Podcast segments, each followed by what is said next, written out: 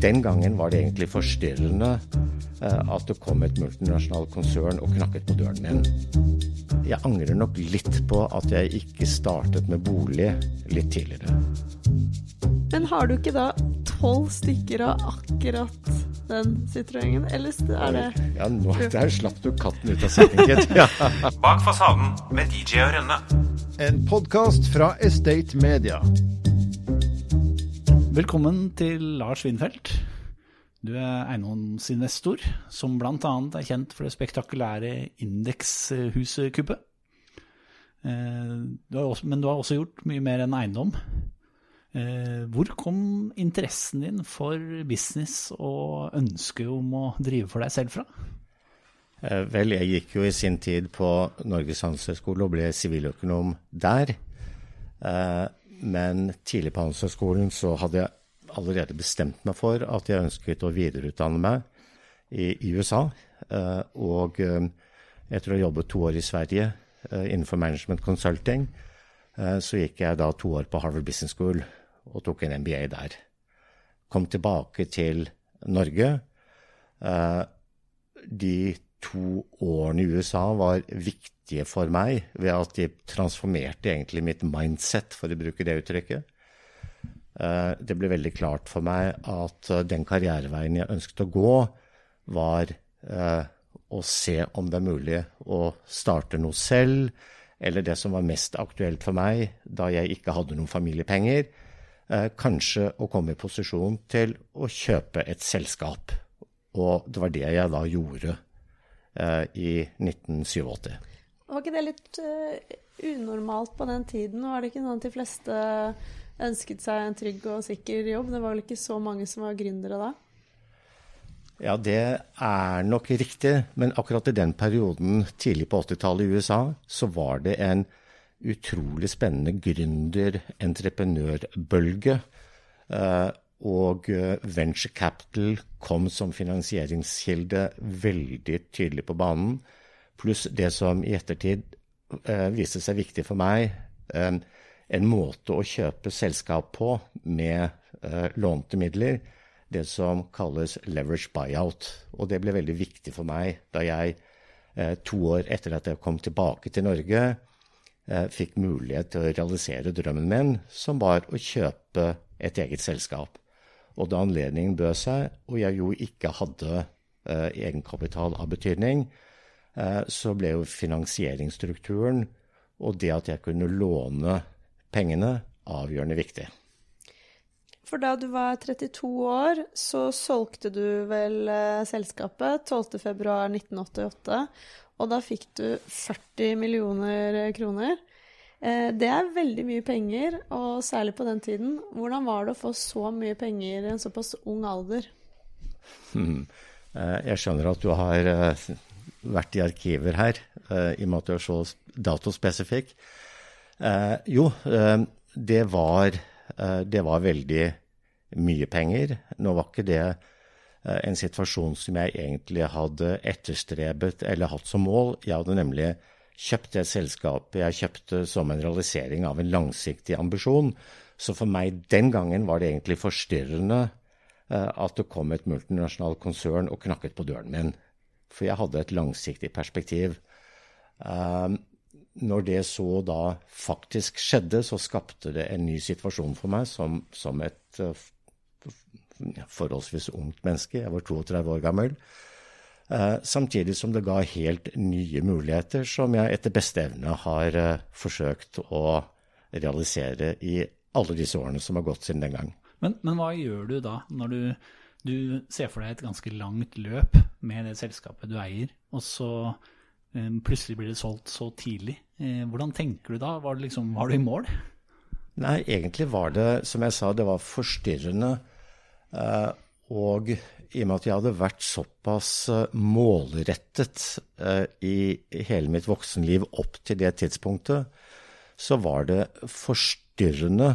Og det tok meg egentlig en ganske lang tid å uh, sette kompasset på nytt og finne en ny uh, retning. Um, jeg husker Kjell Inge Røkke ble intervjuet uh, omtrent i kanskje var et par år senere, hvor han uttalte at han hadde hatt en drøm.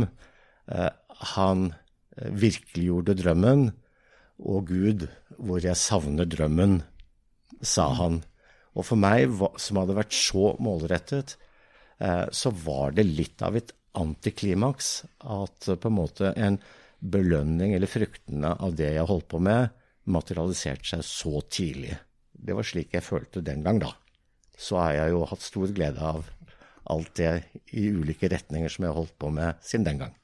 Men hva gjorde du da, etter du hadde solgt selskapet? Hva ble veien videre da? Eh, jeg, ut, jeg, jeg fikk jo som sagt da tidlig en viss kapitalplattform eh, som var grunnlaget for en ganske bred investeringsvirksomhet i eh, ganske mange år. Um, Eh, jeg var inne i shipping, eh, hvor jeg både tjente penger og tapte penger. Eh, jeg lærte iallfall at skipsreder skal jeg ikke bli. Og i, på 90-tallet investerte jeg ganske systematisk i spennende teknologiselskaper. Og i 97 gikk jeg inn sammen med bl.a. Høk-familien, som jo ble en veldig viktig partner for meg med referanse til det du nevnte med Indexhuset noen år senere. Eh, da gikk jeg inn i et veldig spennende svensk telekomselskap, hvor jeg var en av tre gründere, eh, som het først Tele1 Europe og så Song Networks, der jeg var en av de store aksjonærene og arbeidende styreformann i fem år. Var det en berg-og-dal-bane? Vel, altså, eh, det var et, et, et, et av de største nyetablerte uh, gründerselskapene i Sverige på det tidspunktet. Uh, vi bygget opp uh, fibernett i 70 nordiske byer. dette var, det var et stort Vi omsatte vel for halvannen milliard etter fire år og hadde 1200 ansatte. Hadde hentet igjen ja, hvor mye var det? 12-13 milliarder i de internasjonale kapitalmarkedene. Gikk på børs i USA og i Stockholm i mars 2000. Hentet inn 500 millioner dollar. 30 ganger overtegnet. Selskapet var den gang priset til halvparten av Norsk Hydro. Så det var en utrolig reise opp. Men det ble også en ganske smertefull restruktureringsprosess noen år senere, da kapitalmarkedet for telekomselskaper bråstoppet et år etter at dotcom-boblen brast.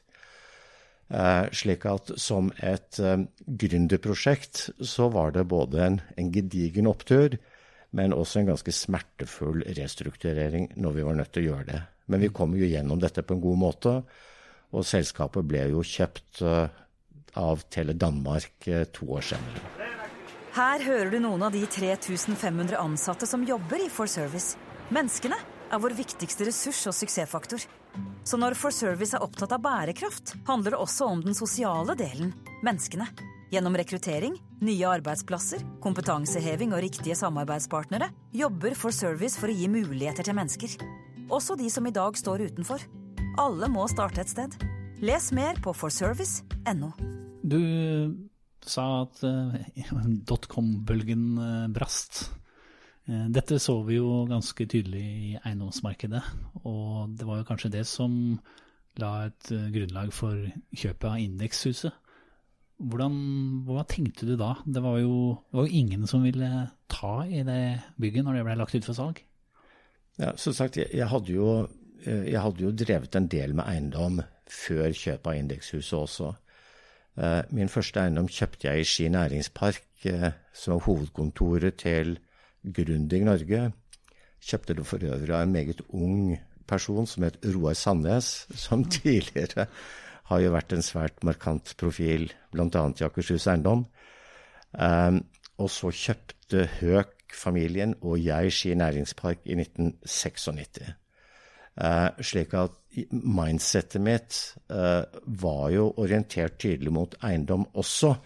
Og uh, Høek-familien og jeg hadde sammen analysert oss frem til egentlig en veldig tydelig bevissthet rundt syklikaliteten i kontormarkedet. Det var kontormarkedet vi primært var interessert i.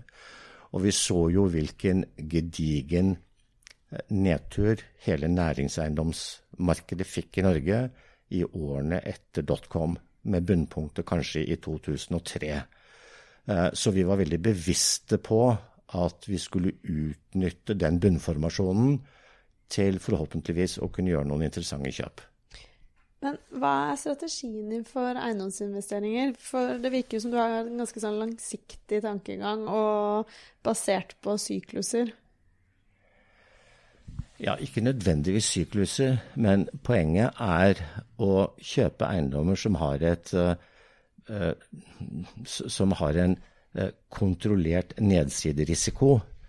Uh, både Indekshuset og det kjøpet vi gjorde året etter, Forsvarets overkommando på Huseby, begge de to uh, eiendommene hadde det til felles at uh, kjøpesummen per kvadratmeter var så lav at den knapt kunne gå særlig lavere. og det viktige for oss ble da, i og med at vi skjønte jo at vi var i en bunnformasjon i markedet, var å sørge for at vi tilførte da prosjektene nok cash til at vi hadde stayerevne, altså en evne til å vente på neste sykliske oppgang.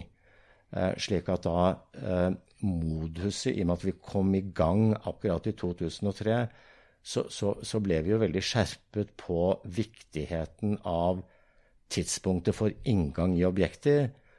Og så har det jo vært slik at uh, i to runder etter den nedgangen så har vi jo hatt veldig markante opp- og nedturer som har gitt muligheter. Og i og med at vi uh, valgte å fokusere på store, krevende objekter, som vi da var heldige og fikk kjøpt da i rett fase av syklusen, så tok det også et antall år å foredle og utvikle disse objektene, slik at når jobben på de prosjektene vi gjorde da på tidlig og på midten av 2000-tallet, eh, var gjort, så kom det sannelig en ny syklisk nedtur som ga nye muligheter. Og så har vi sett det også en gang til. Nå er vi jo faktisk i en situasjon at det ikke har vært noen syklisk nedtur siden finanskrisen. Um, men det betyr ikke at det ikke er mulig å gjøre interessante uh, kjøp også nå. Men du må vite hva du gjør, og passe på at dine kriterier er slik at nedsiderisikoen ikke blir for stor. Jeg har vært veldig fokusert på uh, å kjøpe objekter hvor egentlig den reelle risikoen er mye lavere enn det det ser ut som, samtidig som oppsidemuligheten er stor og ganske åpen. Mm. Er det noe av det du har eh, sett på Lysaker? Du kjøpte jo der for noen år siden da da ingen ville ta i Lysaker-eiendommene?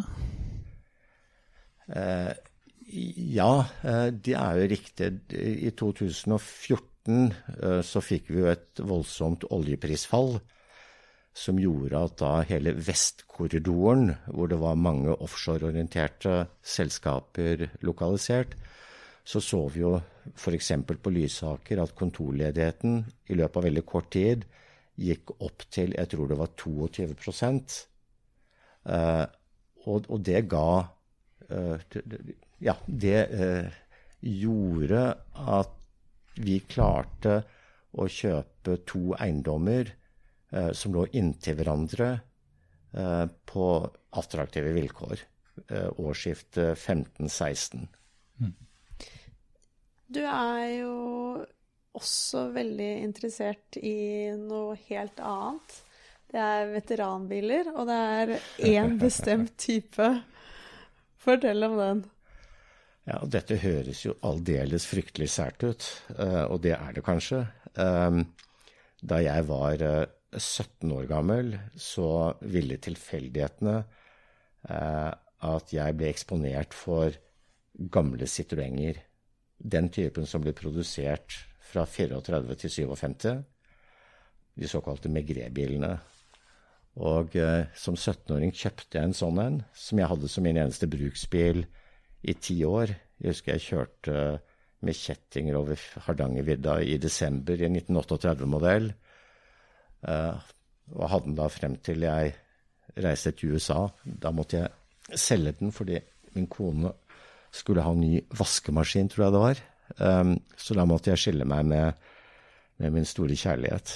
Og så, uh, for ca. ti år siden, så kjøpte jeg den bilen tilbake. Da var den et vrak. Akkurat samme bil? Akkurat samme bil. Hvordan, Eh, hvordan fant du den? Jeg satt på kontoret, og så fikk jeg en åpenbaring. DB22536, hvem eier den nå? Statens vegvesens eh, webside. Oi, samme karen som jeg solgte til i 1983. Og i løpet av 20 minutter hadde jeg kjøpt den tilbake for det samme som jeg eh, fikk for den i 83. 15 000 kroner. Fantastisk. Men det jeg glemte å sjekke, var hvilken stand den var i. Så den ble levert hjem til meg på henger.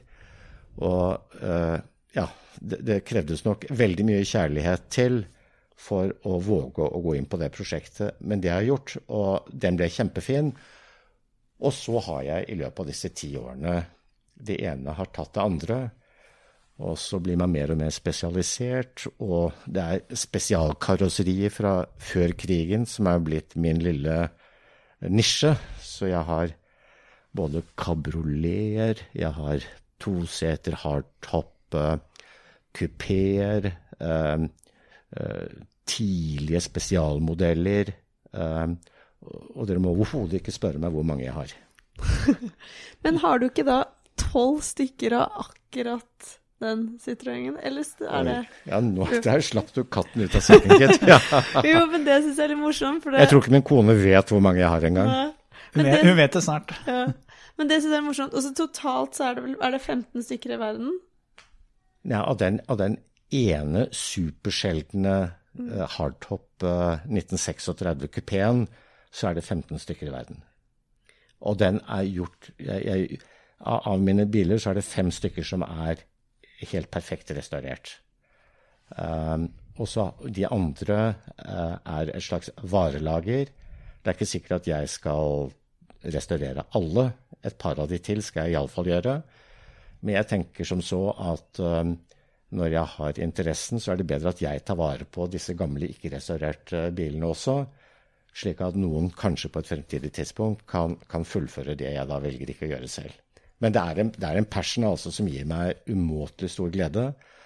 Og jeg kjører jo disse bilene til eh, kontoret hver eneste dag i hele sommerperioden. Så Men er, jeg storkoser meg med det. er målet en dag å eie alle 15? Nei, det er det jo slett ikke. Det, det høres jo helt sært og rart, rart ut, men jeg tror det er, er slik med mange interesser. er Når man, når man virkelig kommer på innsiden av interessen, og så får man sansen og feelingen, og så får man kunnskapen, eh, og så er det ålreit å ta vare på på en god måte den delen av vår kulturhistorie, for det er jo faktisk det. Da tar vi en kort pause for å minne om at BN Bank er spesialisten på finansiering av næringseiendom i Oslo-regionen. BN Bank er en rendyrket eiendomsspesialist og kjennetegnes av hurtighet, fleksibilitet og forutsigbarhet. Gode løsninger sikres gjennom medarbeidere med høy kompetanse og sterke relasjoner til kundene. Kontakt BN Bank nå. Du har jo andre interesser òg, antar jeg. Er du interessert i kunst? Eh, Ja, det er jeg definitivt. Eh, Jeg jeg vil på ingen måte kalle meg en kunstsamler. Det høres lett litt pretensiøst ut. Men jeg har i ja, flere tiår eh, ganske systematisk eh, fulgt et antall norske samtidskunstnere. Jeg har en del eldre kunst også, men eh, mer og mer er jeg blitt orientert mot eh, ja, norske samtidskunstnere som jeg da gjerne også får et hyggelig personlig forhold til, etter at man har ja, kjøpt noen bilder av de ulike og skjønner mer og mer av deres ulike prosjekter. Så jeg, jeg har en kunstinteresse, ja. Du har vel startet på en eh, bachelor nå i kunsthistorie også? Ja, det startet jeg på for to år siden, som egentlig ikke har så mye med, med, med kunstinteressen som vi akkurat nå snakket om, men som egentlig var en videreføring av en bredere historieinteresse som jeg har hatt veldig lenge, og som eh, bl.a. Eh, har gjort at jeg ja, i løpet av de siste ti årene først har tatt en bachelorgrad i idéhistorie, og så det samme, eh, en mastergrad, som har eh, vært eh, veldig spennende, og som har vært eh, ja, en eller annen form for Kall det gjerne et slags egenutviklingsprosjekt. Det har gitt meg eh, veldig mye å nøste tilbake og få et, eh, et perspektiv på hvorfor, ja, hvorfor jeg som et vestlig menneske er, blitt som jeg er blitt. Det å på en måte se helheten fra utviklingen av vestlig tenkning, utviklingen av, det vestlige tankegodset fra den greske antikken gjennom romertiden, middelalder, renessanse og videre fremover. Kan vi få kortversjonen på hvorfor du har blitt som du har blitt? uh, nei, vet, vet, du hva. Det er for knapp tid til å gå for mye inn på det her nå. Uh, det viktige for meg har vært at uh, jeg har fått en jeg, jeg, jeg, har fått en, jeg, jeg, gjør dette for meg selv, i den forstand at det på en måte beriker meg og gir meg Det gir meg et perspektiv på hvorfor jeg er blitt som jeg er blitt. Eh, jeg har aldri hatt en, en personlig kristen tro, eh, men eh, f.eks. disse studiene har gitt meg muligheten til å også dypdykke inn i det kristne trossystemet på en måte som jeg hadde ingen forståelse for tidligere. og vi, vi, i Vesten har vært så heldige at vi har fått en kombinasjon av den antikke kulturarven, eh, som så fikk da eh, kristendommen boltet på seg. Eh, og det har vært en, en, en veldig kraftfull kombinasjon. Eh, og jeg er umåtelig glad for at vi står i en kristen kulturtradisjon. Eh, fordi eh, kristendommen, selv om jeg som sagt jeg har ikke noe personlig gudstro, eh, men jeg har en utrolig ydmykhet, toleranse, respekt for hva kristendommen har gjort og med menneskene i de 2000 årene vi har bak oss nå siden, siden noe skjedde nede i Palestina. Er det generelt viktig for deg å forstå ting? Ja, det tror jeg. Um, uh, det går vel på en generell søken etter mening og en, en, et, et, behov for å skjønne mer enn det man gjerne har muligheter til eller forutsetninger for tidligere i livet. Jeg føler at jo eldre og mer moden jeg er blitt, jo større er min interesse for å ja, skjønne hvor jeg på en måte kommer fra. Eh, nok en gang hvorfor jeg er blitt som jeg er blitt. Brekkhus advokatfirma rådgir norske og internasjonale kunder innen en rekke sektorer.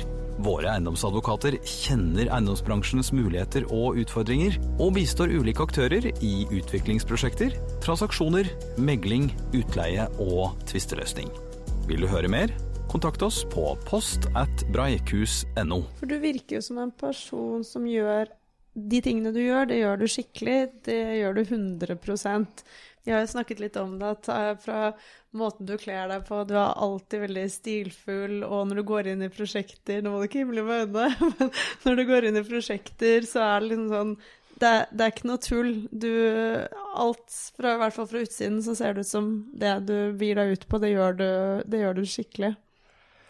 Ja, eh, jeg har nok eh, ganske høy energi og eh, arbeidsvilje og kapasitet. Jeg syns det er jeg syns rett og slett at det er moro å finne en spennende eiendom, klare å kjøpe den, klare å vente med de verdiskapende grepene til timingen er optimal, og så gjennomføre det, og så enten selge eller fortsatt eie eiendommen. Jeg syns rett og slett jeg har luksusen av å ha et daglig virke som Det er rett og slett morsomt. Det virker jo ganske krevende å vente såpass lenge som du venter. Eh, du kjøpte jo det bygget som du etter hvert fikk inn sans som leietaker. Og jeg husker du var veldig tydelig på at du skal ha én leiepris før du eventuelt solgte det. Eh, og du var ganske seig da. Jeg tror det er mange som hadde solgt før og vært happy med den gevinsten. Ja, eh, jeg, må nok innrømme at eh, jeg selv av og til har den lille refleksjonen at det å være fokusert på færre og veldig store prosjekter med trege verdiskapningsprosesser kan være frustrerende. Og i økende grad merker jeg også hos meg selv tendenser til litt frustrasjon. Eh, nå f.eks. har jeg tre store eh, eiendommer som alle sammen er i reguleringsprosesser, og hvor jeg i begrenset grad kan speede prosessene opp. Og det er litt frustrerende. Så av og til gjør jeg den lille refleksjonen at kanskje jeg i tillegg kunne hatt, og skulle hatt, noen mellomstore og litt mindre prosjekter og en annen refleksjon jeg gjør meg, er at uh, jeg angrer nok litt på at jeg ikke startet med bolig litt tidligere. Jeg har vært veldig fokusert på kontor, men jeg ser jo uh, hvor spennende boligmarkedet har vært for mange utviklere de senere årene. Og, og, og når dette er sagt, så, så, har vi jo nå vært igjennom kanskje 10-15 år med, med utrolig gunstige finansielle rammebetingelser for eiendomsprosjekter generelt, enten det er næring eller bolig. Eh, men bolig har jo relativt sett eh, kanskje vært det mest spennende de senere årene. Du har jo investert i andre mindre selskaper som også er veldig spennende, sånn som Smooth Exchange og El Camino, og det er vel flere? og, og, et veldig spennende teknologiselskap som heter Swipe, hvor jeg har vært uh, med siden starten i 2011. Uh, eh, det er helt utrolig hvor lang tid det tar å jobbe frem spennende nye selskaper. Men også der så krever det at du har en stayerevne og en, en, fokus på det du ønsker å oppnå. Uh, så jeg, jeg, driver jo med mer enn bare eiendomsutvikling. Jeg definerer meg jo selv ikke som en, et eiendomsselskap. Jeg ser på meg selv som en eiendomsutvikler som nesten med et slags private equity-fokus um, er orientert da mot uh, objekter som er murstein og sement. Men det er det å kunne se en mulighet og kunne klare å realisere potensialet i muligheten, og så selge den ut, som er moduset mitt. Og det samme gjelder jo investeringsvirksomhet når man investerer i prosjekter og er prosjektorientert. Ehm, de restaurantkonseptene du nevnte, eh, hvor jeg har rundt 30 i, tre selskaper, er rett og slett at jeg har investert og støttet en utrolig flink gründer eh, som har startet disse tre selskapene. Hva irriterer deg? Rett bortsett fra at det kanskje tar litt lang tid noen ganger med noen utviklingsprosesser? Jeg, jeg, vil, jeg, vil, si at det var mye mer som irriterte meg tidligere i livet enn nå. Fordi eh, Men eh, jeg, jeg, tror nok eh, man får en større forståelse for at mange prosesser tar tid. Og man må nesten bare akseptere det. Det nytter ikke å irritere seg altfor mye. Eh, en ting som kan du si, er frustrerende, da, jeg vil heller bruke det uttrykket, når det gjelder eh, ja, eiendomsutvikling eller kontorutvikling i Oslo, er jo de lange saksbehandlingstidene i plan- og bygningsetaten. Eh, og det samme gjelder jo på boligsiden, slik at det er en kilde til betydelig frustrasjon, tror jeg, for ikke bare meg, men for alle oss som opererer dette markedet. Bak fasaden med DJ og Rønne. En podkast fra Estate Media.